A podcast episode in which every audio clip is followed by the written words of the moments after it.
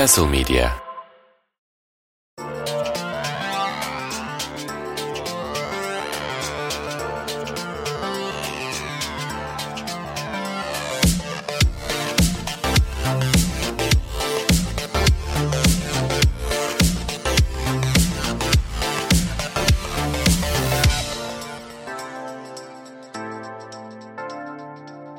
Castle Medya'dan herkese merhabalar. Gölgede ve Güneşte'nin 24. bölümüne hoş geldiniz.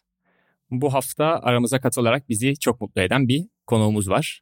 Kendisi hakkında nasıl bir giriş yaparım diye düşünüyorken bugün gün içerisinde Sylvester Stallone'nin Rocky serisinden bir sahneyi anımsamıştım. Yani dördüncü filmde zannedersem Apollo Creed ile o Ivan Drago'nun bir gösteri maçı vardı. O maçın öncesinde anonsçu abi Apollo'nun lakaplarını sayıyordu. İşte böyle işte kırmızı köşede dans eden yok edici, işte Yumruk Dağı'nın kontu, böyle felaketlerin hakimi falan. Rocky'de takılıyordu işte Apollo'ya. Yani şu lakapların bilse de bir maça gitsek, geçsek falan diye. Şimdi futbol penceresinden bakacak olursak işte yazarlık, editörlük, muhabirlik yapmış. İşte Big Data ile böyle haşır neşir olmuş ve aynı zamanda bizler gibi podcast yapmışlığı var. Keza işte müzikle de ne derece iç içe olduğunu işte kendisinin hazırlayıp sunduğu çekme kaset içeriğinden veya zamanında ben bizzat katıldığım Sokrates kutlama partilerinden biliyorum. Popüler kültüre olan ilgisi, işte sosyal medya bilirkişiliği, nasıl diyeyim Toronto Dinozorlarını Koruma Derneği'nde Esenler İlçe Başkanlığı falan böyle sayısız titri var. Sevgili Çetin Cem Yılmaz bizimle beraber. Abi hoş geldin. E, hoş bulduk. Çok teşekkürler. Çok onore ettin. Titrileri bitir de kayıda gireriz diye. Şaka yapıyorum. Çok teşekkürler. Ben mutluyum en sevdiğim podcast'te konuk olarak yer almaktan. Oo, eyvallah eyvallah şu anda biz oner olduk.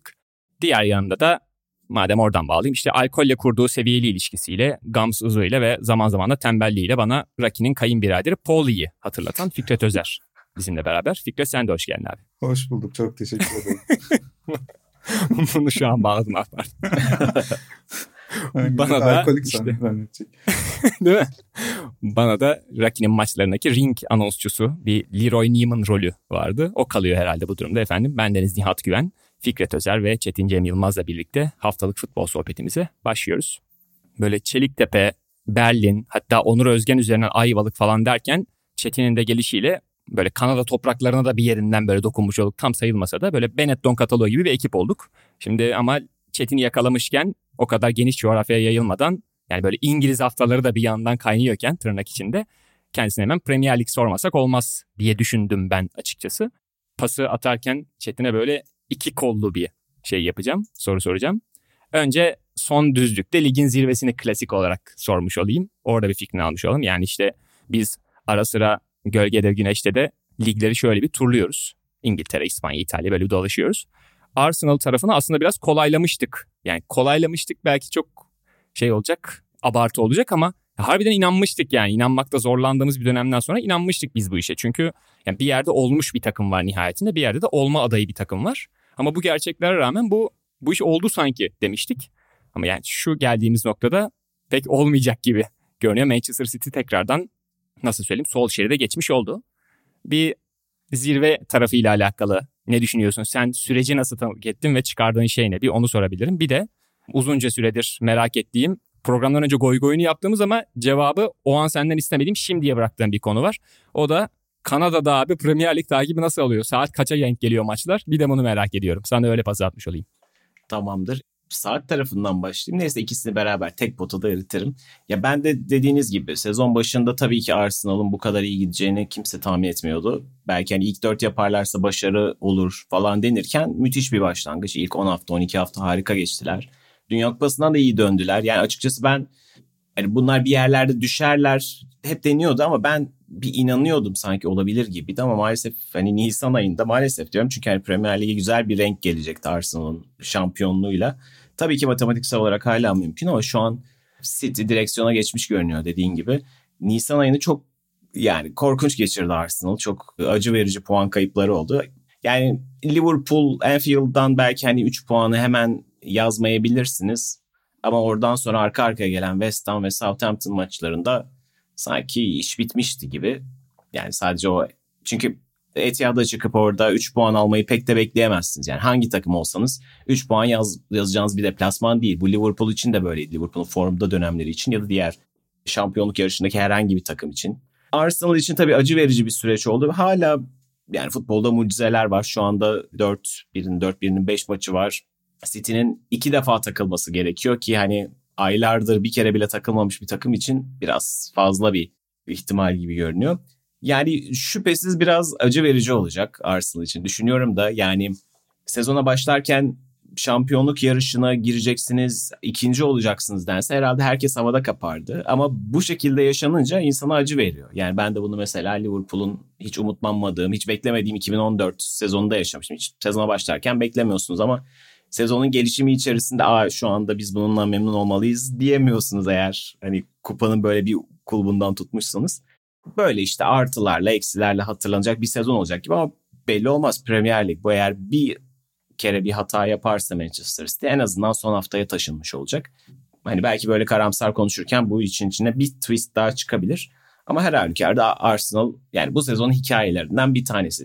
Manchester City zaten şu anda Avrupa'nın yani son 5 yılına falan baktığımızda en iyi takımı diyebilirim yani. Burada tabii ki Şampiyonlar Ligi'nde Real Madrid'in dominasyonu var ama ligleri baz aldığımızda istikrar, işte rakiplerine kurduğu üstünlük, bir türlü e, yani diş geçirilememesi. Bütün takımların çünkü döngüleri vardır. Manchester City her seferinde sanki bir döngünün sonuna geliyor gibi oluyor. Fakat Pep Guardiola bir şekilde bir şapkadan bir tavşan daha çıkarmayı başarıyor.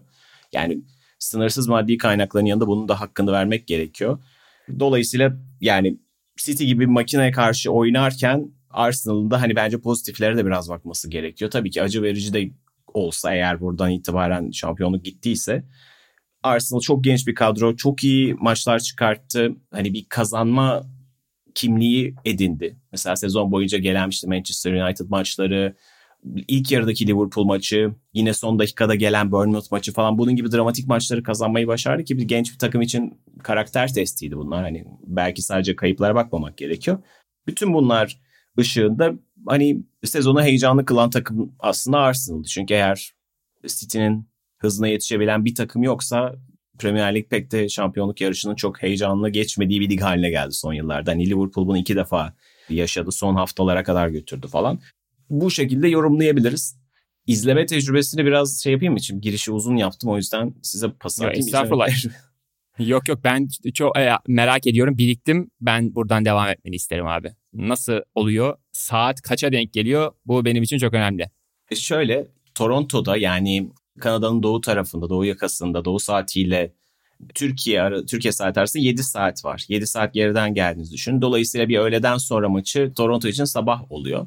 Bu benim izleme biçimimi bayağı değiştirdi tabii. Son 5 yıldır orada yaşadığım için Premier Lig izleyicisi olarak en erken maç 7.30'da başlıyor. Sabah 7.30'da. Eğer yani izlemeye değer bir maç değilse bazen işte cuma gecesinin seyrine göre ya ben yarın kalkmayayım falan diyebiliyorum. Ama diğer taraftan işte 7.30 maçını izliyorsunuz.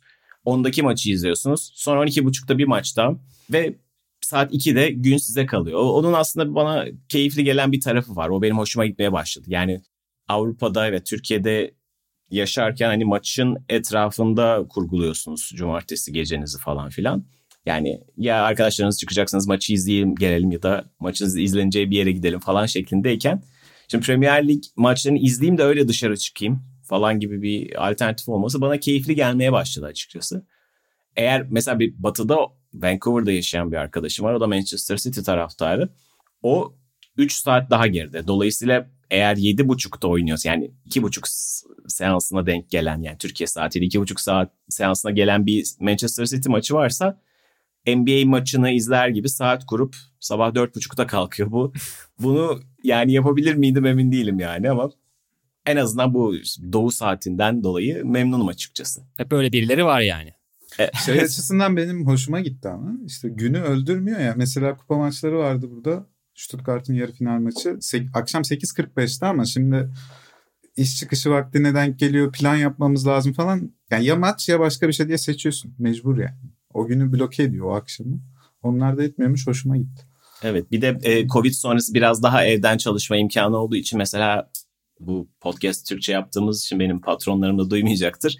Çalışırken böyle kenardan bir iPad'den maç açıp hani tek gözle bir maç takibi falan yapabiliyorsunuz öğleden sonra. Hani yine Türkiye'de işte saat 9'a ona denk gelen maçlara işte yan gözle bakabiliyorsunuz. Öyle onun et, öyle bir e, izleme deneyimi değişti açıkçası ve şimdi bir haftadır Fikret'in yanındayım, Berlin'deyim. Avrupa'da maçların nasıl izlendiğini de biraz unutmuşum. Aa bu niye bu kadar geç oynanıyor falan filan diye böyle sanki hiç böyle değilmiş gibi yani 35 yıl böyle yaşamamışım gibi böyle yadırgadım falan. İlginç yani alışkanlıklar değişiyor. İnsan adapte oluyor. Fikret ben sana şey işin daha psikolojik tarafıyla alakalı senin hissini sorayım. Şimdi Arsenal'ın bu seneki serüveni işte Çetin'in de az önce söylediği gibi hani acı verici bir süreç oluyor ve bu da böyle aslında nispeten klişelerden bir tanesidir. Yani dayak yiyerek büyümek. İşte atıyorum en son şimdi hazır Çetin buraya gelmişken NBA referansı da verebilirim. Oh şöyle yani yakın zamanda Yannis Antetokounmpo'nun bir basın toplantısı vardı. Miami Heat'e elenmelerinden sonra. İşte atıyorum kimilerine göre lan elendi biraz zırva yaptı fazla boş yaptı dedirten bir tarafı da vardı açıklamanın. Ama madalyonun diğer yönünde de işte şunu demeye getirdi gibi sanki. NBA'de 30 takım var. İşte atıyorum hani bir tane şampiyon çıkabiliyor zaten hani matematik ortada. Dolayısıyla geri kalan bütün takımların bütün sezonlarını komple çöpe atmak ve bunların tamamını failure, başarısızlık olarak addetmek aslında çok da adil değile gelen bir şeyler söyledi. Yani biz ilk turda elenmiş olabiliriz playoff'ta ama yani sezonumuzu komple bir kaybediş, bir başarısızlık olarak değil de belki de ileriye dönük bir kazanım, bir tecrübe edinimi falan diye de görebiliriz şeklinde açıklamaya çalışıp birebir beyanları tam böyle değil ama alt metinde de biraz biraz bunlar var. Buradan şunu söylemeye çalışıyorum. Sen sempati duyduğun takımların e, zaferle bitmeyen sezonlarından sonra ki buna alışıksındır. E, o tip se- o, o tip sezonlardan sonra Hayır abi bunu sadece şimdi Fenerbahçe üzerine düşünme, yerelleşme. Burada Kanada, Almanya falan diyoruz. Dur iki dakika. Şöyle ki. Peki. Dediğim gibi zaferle bitmeyen senelerden sonra o psikolojini o yöne doğru kıvırıp direksiyonu oraya kırıp ya ben böyle bir kazanım elde etmiş olduk bu sene. Bu önümüzdeki sene için bize fayda olacak falan. Yani burası üzerinden kendi zihnini mental tarafını aklayabiliyor musun? Yani sen Arsenal üzerinden bunu sana soramıyorum. Çünkü ekstra bir Arsenal sempatin yok. Ama genel olarak hani böyle sezonlar hakikaten böyle şey var mıdır? Seni de tecrübe ettiğin o sezon başarı gelmemişti ama ben o sezonun işte şuraya giden yolda çok faydalı olduğunu düşünüyorum falan gibi. Bu gerçek bir şey midir yoksa hayal mi kuruyoruz biz? Yani takımına bağlı biraz. Fenerbahçe hani yerelleşmeyeceksek Fenerbahçe için bu geçerli değil. Yani Fenerbahçe bu, bu sene çok güzel oynar. Ha gelişiyoruz genç oyuncumuz da var falan dersiniz. Seneye bambaşka bir kadro çıkar oynar falan. Hani orada on, ümit olmuyor tabii. Stuttgart tarafında şimdi benim tuttuğum takımlar hep böyle. Aynı gün içinde bu arada çarşamba günü Slokas basket maçında son saniyede attı Fener'i yendi.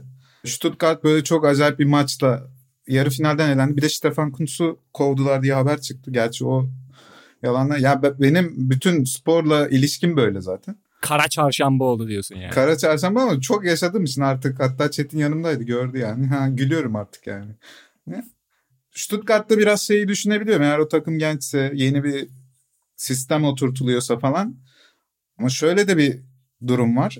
O seviye takım için. Seneye o futbolcular iyiyse alıp gidecekler.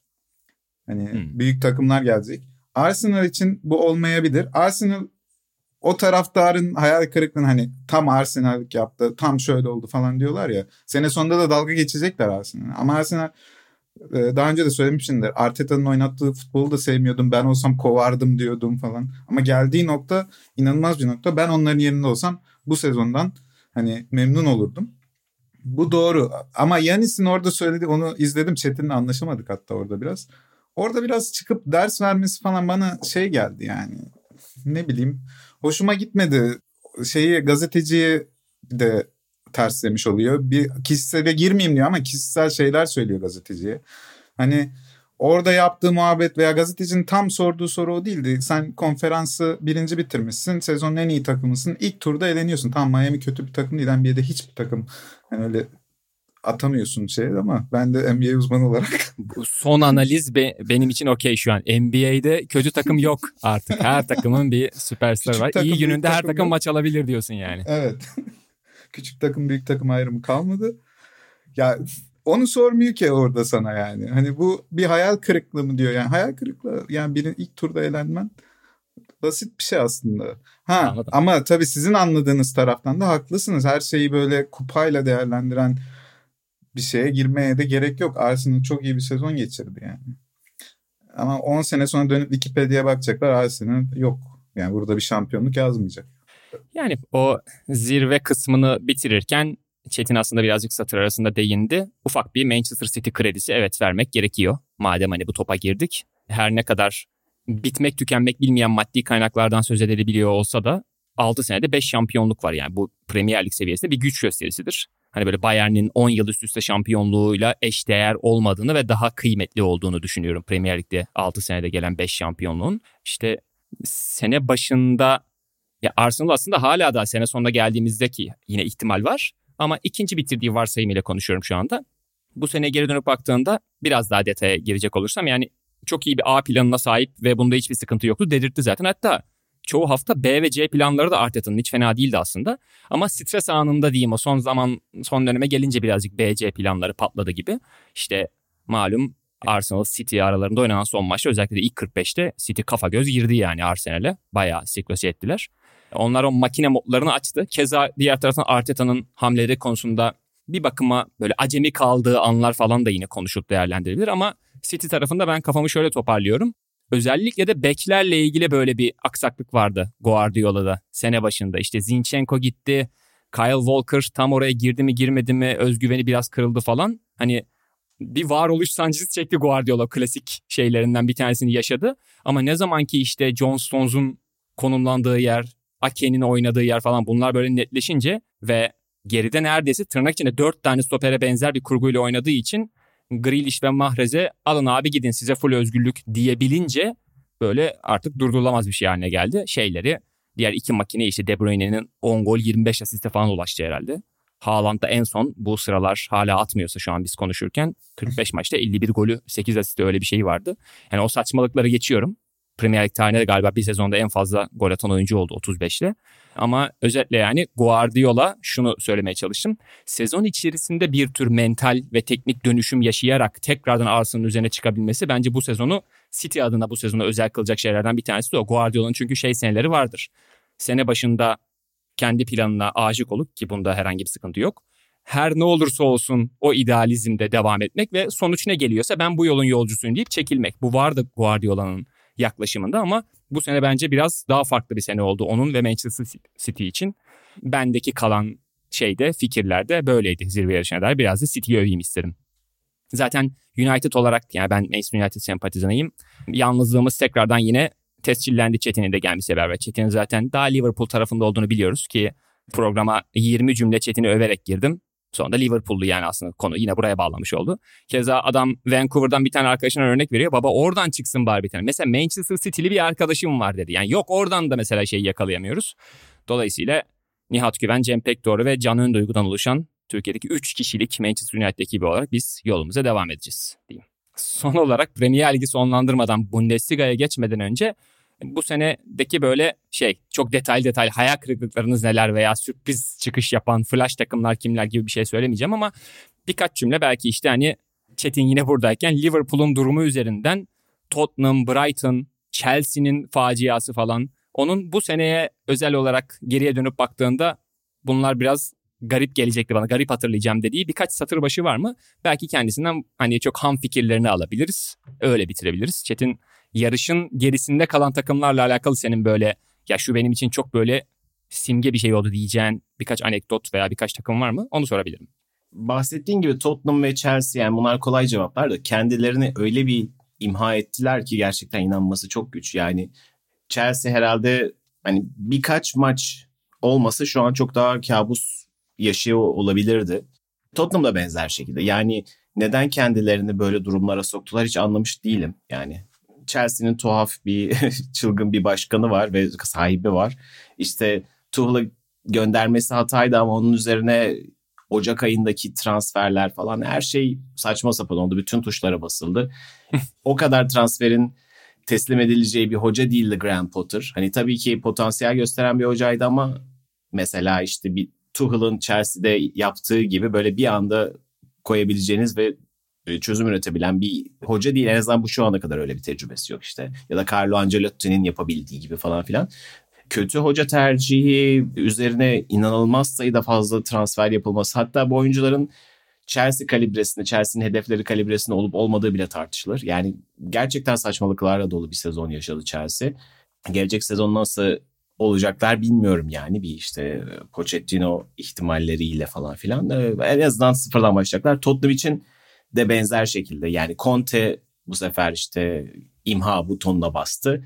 Ki Conte gerçekten o da tansiyonları seven bir hoca. Her gittiği yerde çok uzun süreli kalmıyor. Bu tip krizleri yaşıyor falan ama Conte gittikten sonra neden yardımcısıyla devam edildi? Mesela ben bunu anlamıyorum. Yani toksik bir adam var madem. O da gidecekse neden onun yardımcısı? Çünkü daha küçük bir versiyonu, daha kötü bir versiyonuyla yola devam ediyorsunuz. O arada facia sonuçlar alındı. İşte özellikle 6 gollü Newcastle yenilgisi falan derken. Yani zaten çok parlak bir başarı geleneği olmayan bir takımı iyice zor durumlara düşürdüler. Sezonun en büyük iki hayal kırıklığı olarak bunları söyleyebiliriz herhalde ama diğer taraftan köklü ya da son yılların böyle başarılı takımları diyebileceğimiz yani köklü olan Everton, son yılların başarılı takımları West Ham ve Leicester City'nin yaşadığı krizler de hani sezon hayal kırıklıkları arasında yazılabilir. Everton'ın kadrosu problemliydi. Frank Lampard'la girmeleri zaten hani o da soru işaretleri yaratıyordu.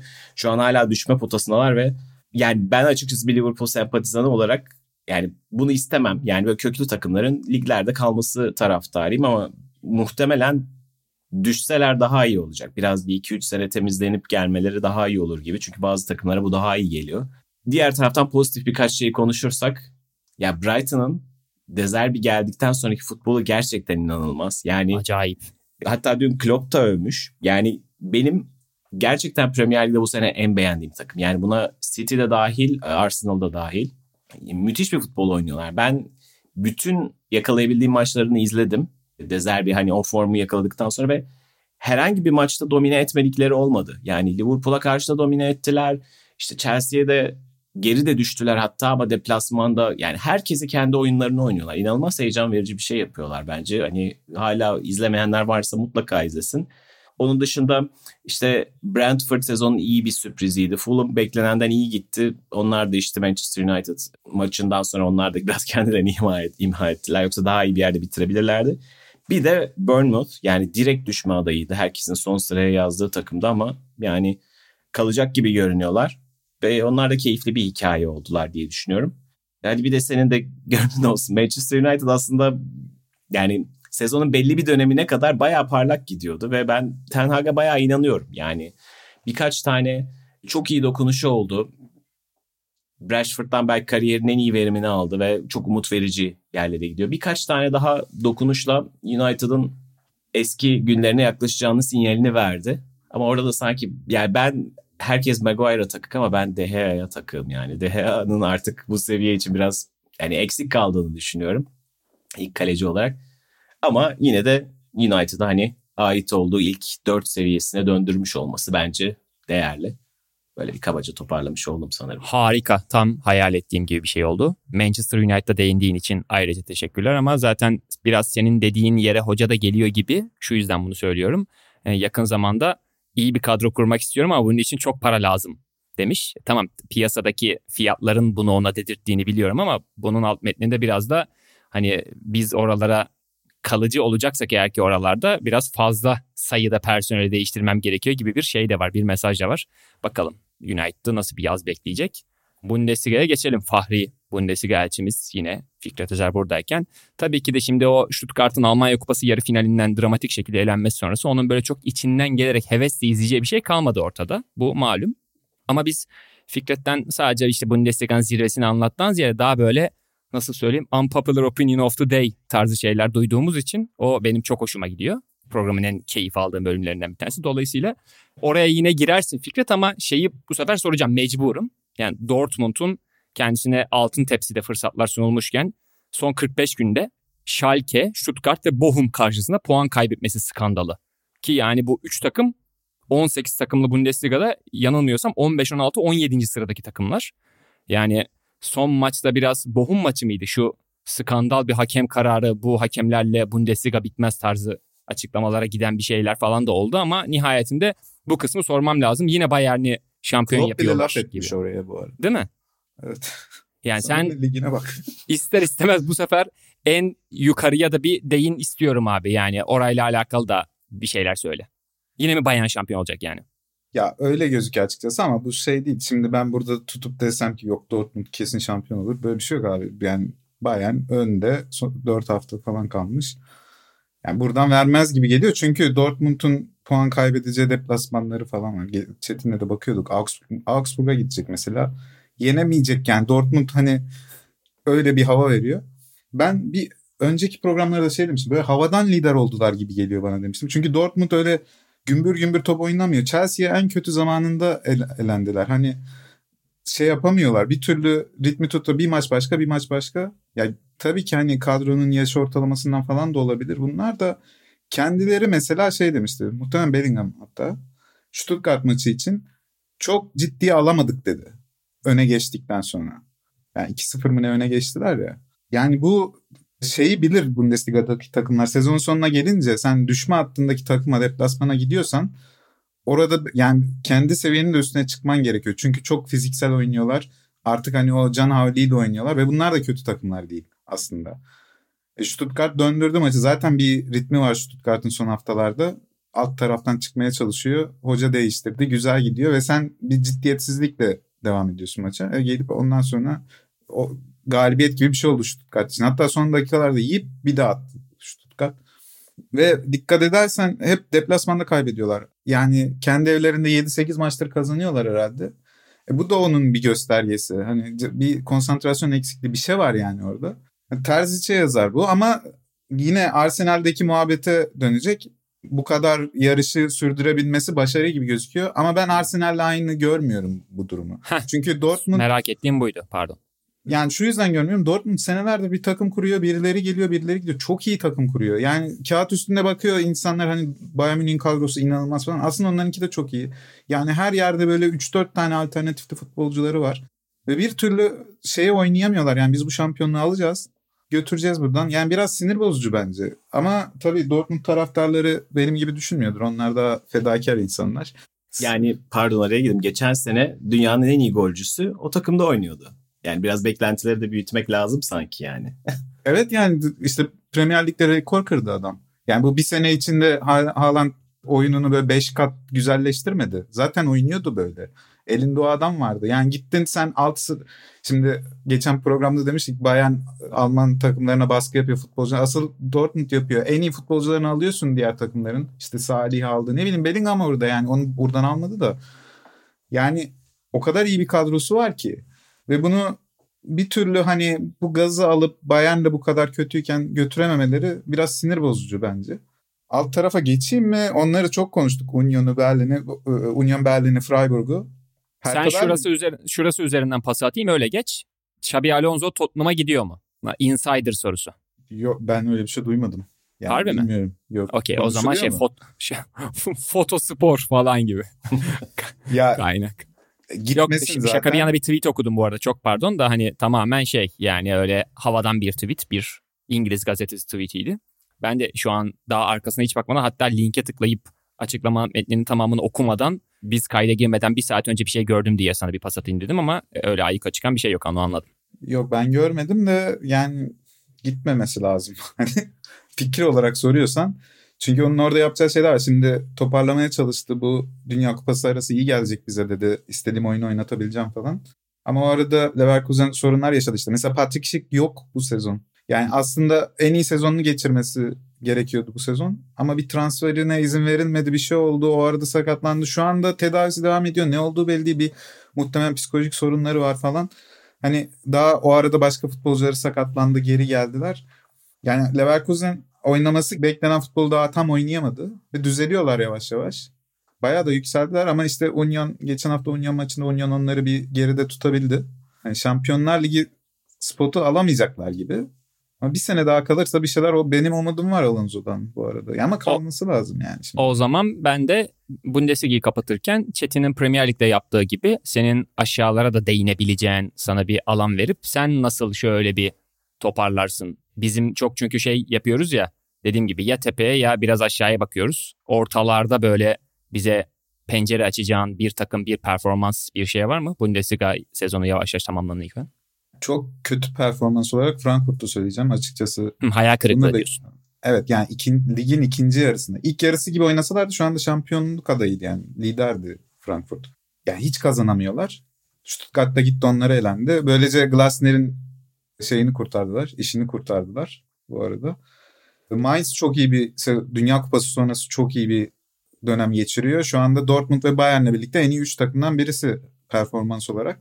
Tabii ki hani Freiburg ve Union bunları hani çok konuştuk. Çok büyük iş yaptılar ama Freiburg'da şunu gördüm. Bunu da hani tekrar başa bağlayabilirim.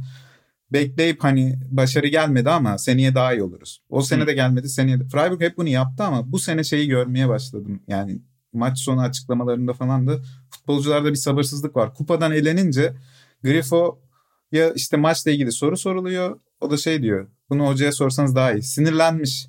Yani bu, bu tip bir açıklama Freiburg gibi bir kulüpte gelmez normalde. Çünkü o kupanın alınıp alınmaması önemli değil. O proses önemli normalde.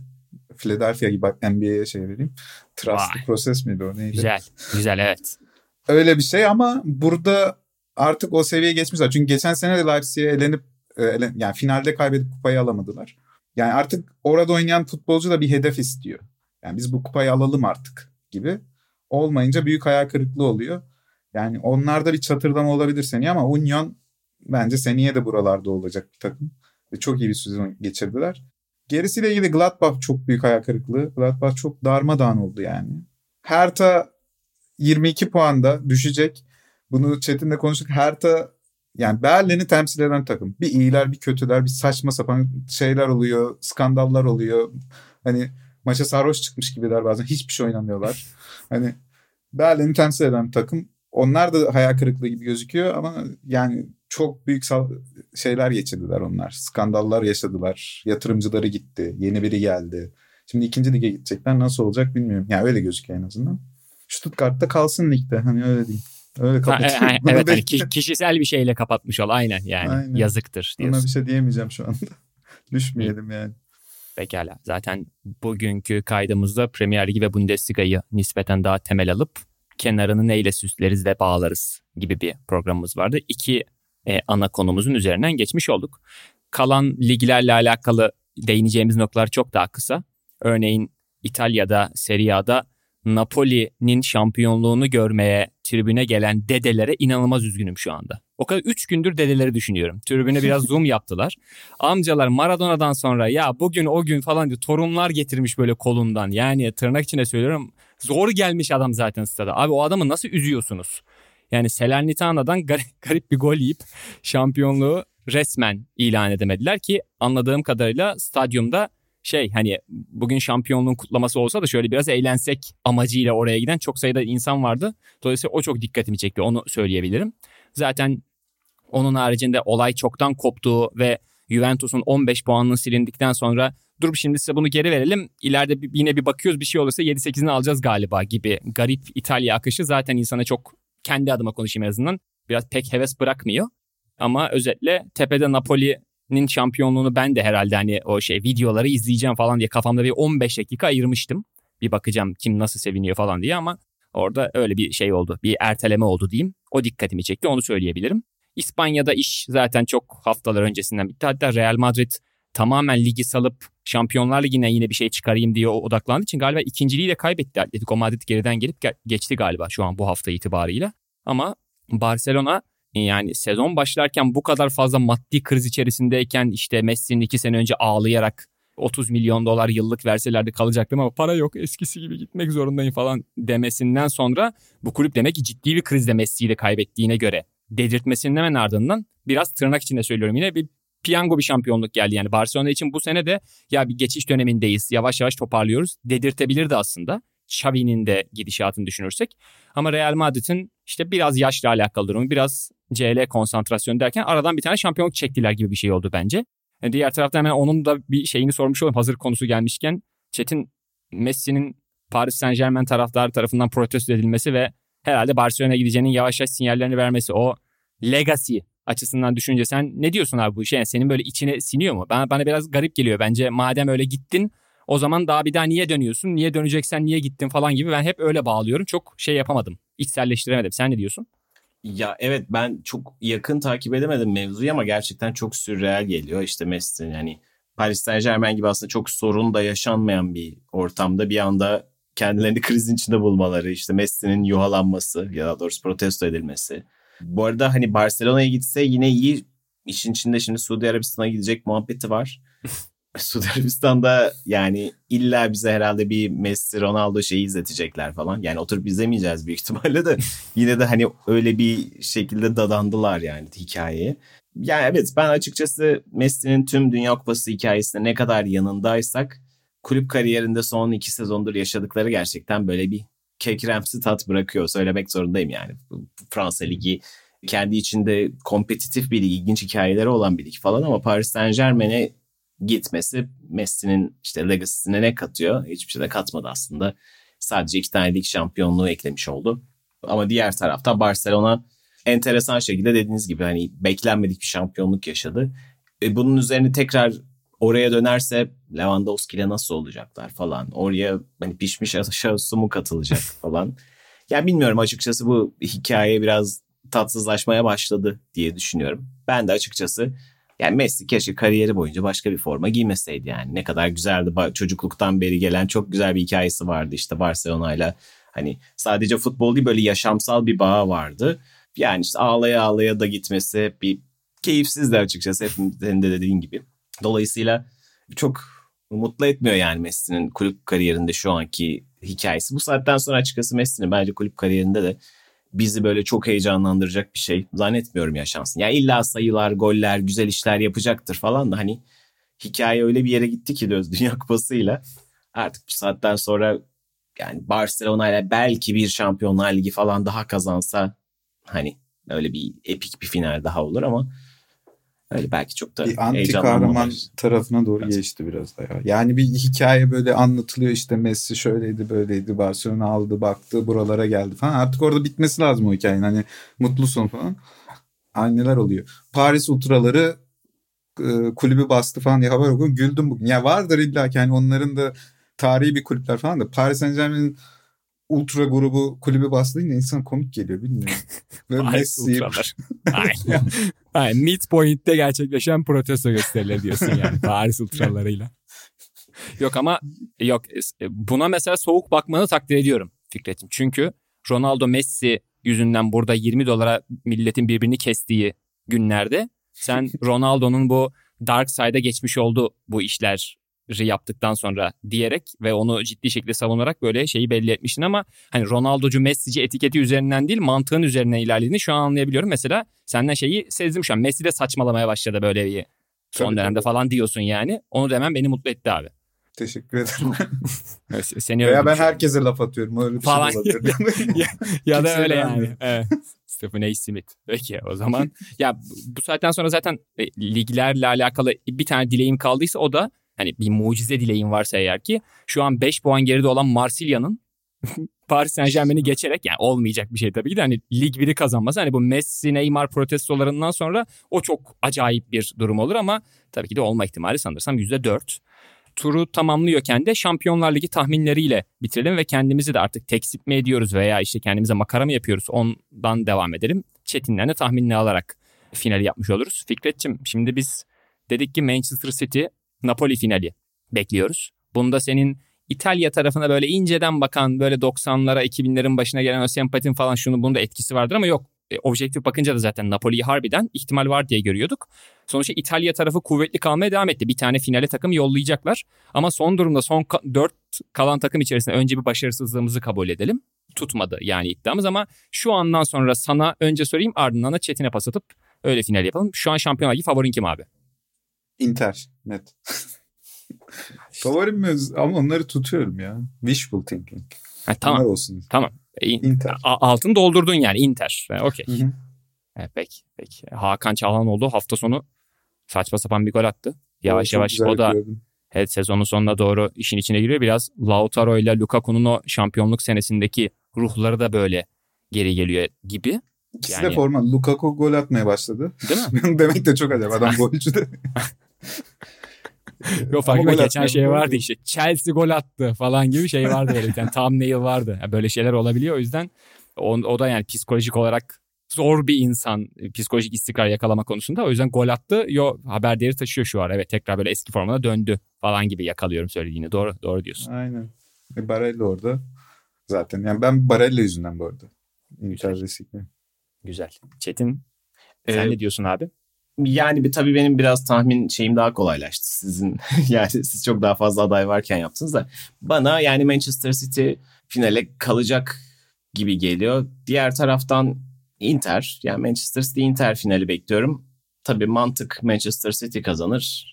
Gönül de Inter kazansın diyor. Biraz açıkçası yani hem malum sebepten dolayı Manchester City dememem var. Diğer taraftan Hakan Çağlanoğlu ve Inter'in kadrosunda çok fazla sevdiğim oyuncu da var. Bir yandan İstanbul'daki bir finalde açıkçası bir Türk oyuncunun kazanması da güzel bir detay olur diye düşünüyorum yani. Ama işte Barella'dır, Martinez'dir. Bir, bir dolu aslında hoşuma giden sevdiğim oyuncu da var yani Cekos'u falan filan. Ben yani Inter'in kazanmasını isterim. 2010'dan beri de hani uzak kalan bir hikaye var. Öyle. Böyle Güzel. Milan varken Inter diyen iki kişi yan yana bulmak da zor bir şey. Doğru. Doğru. Orada zaten Milan'ın da. Milan'ın da yukarıda kalışı birazcık eski Milancıları mutlu etmiş olsa yani ismi tekrar orada okumak Milanlı olmasan bile sempati duymasan bile aa ne hoş falan dedirtmiştir ya da belki bilmiyorum bana dedirtti birazcık.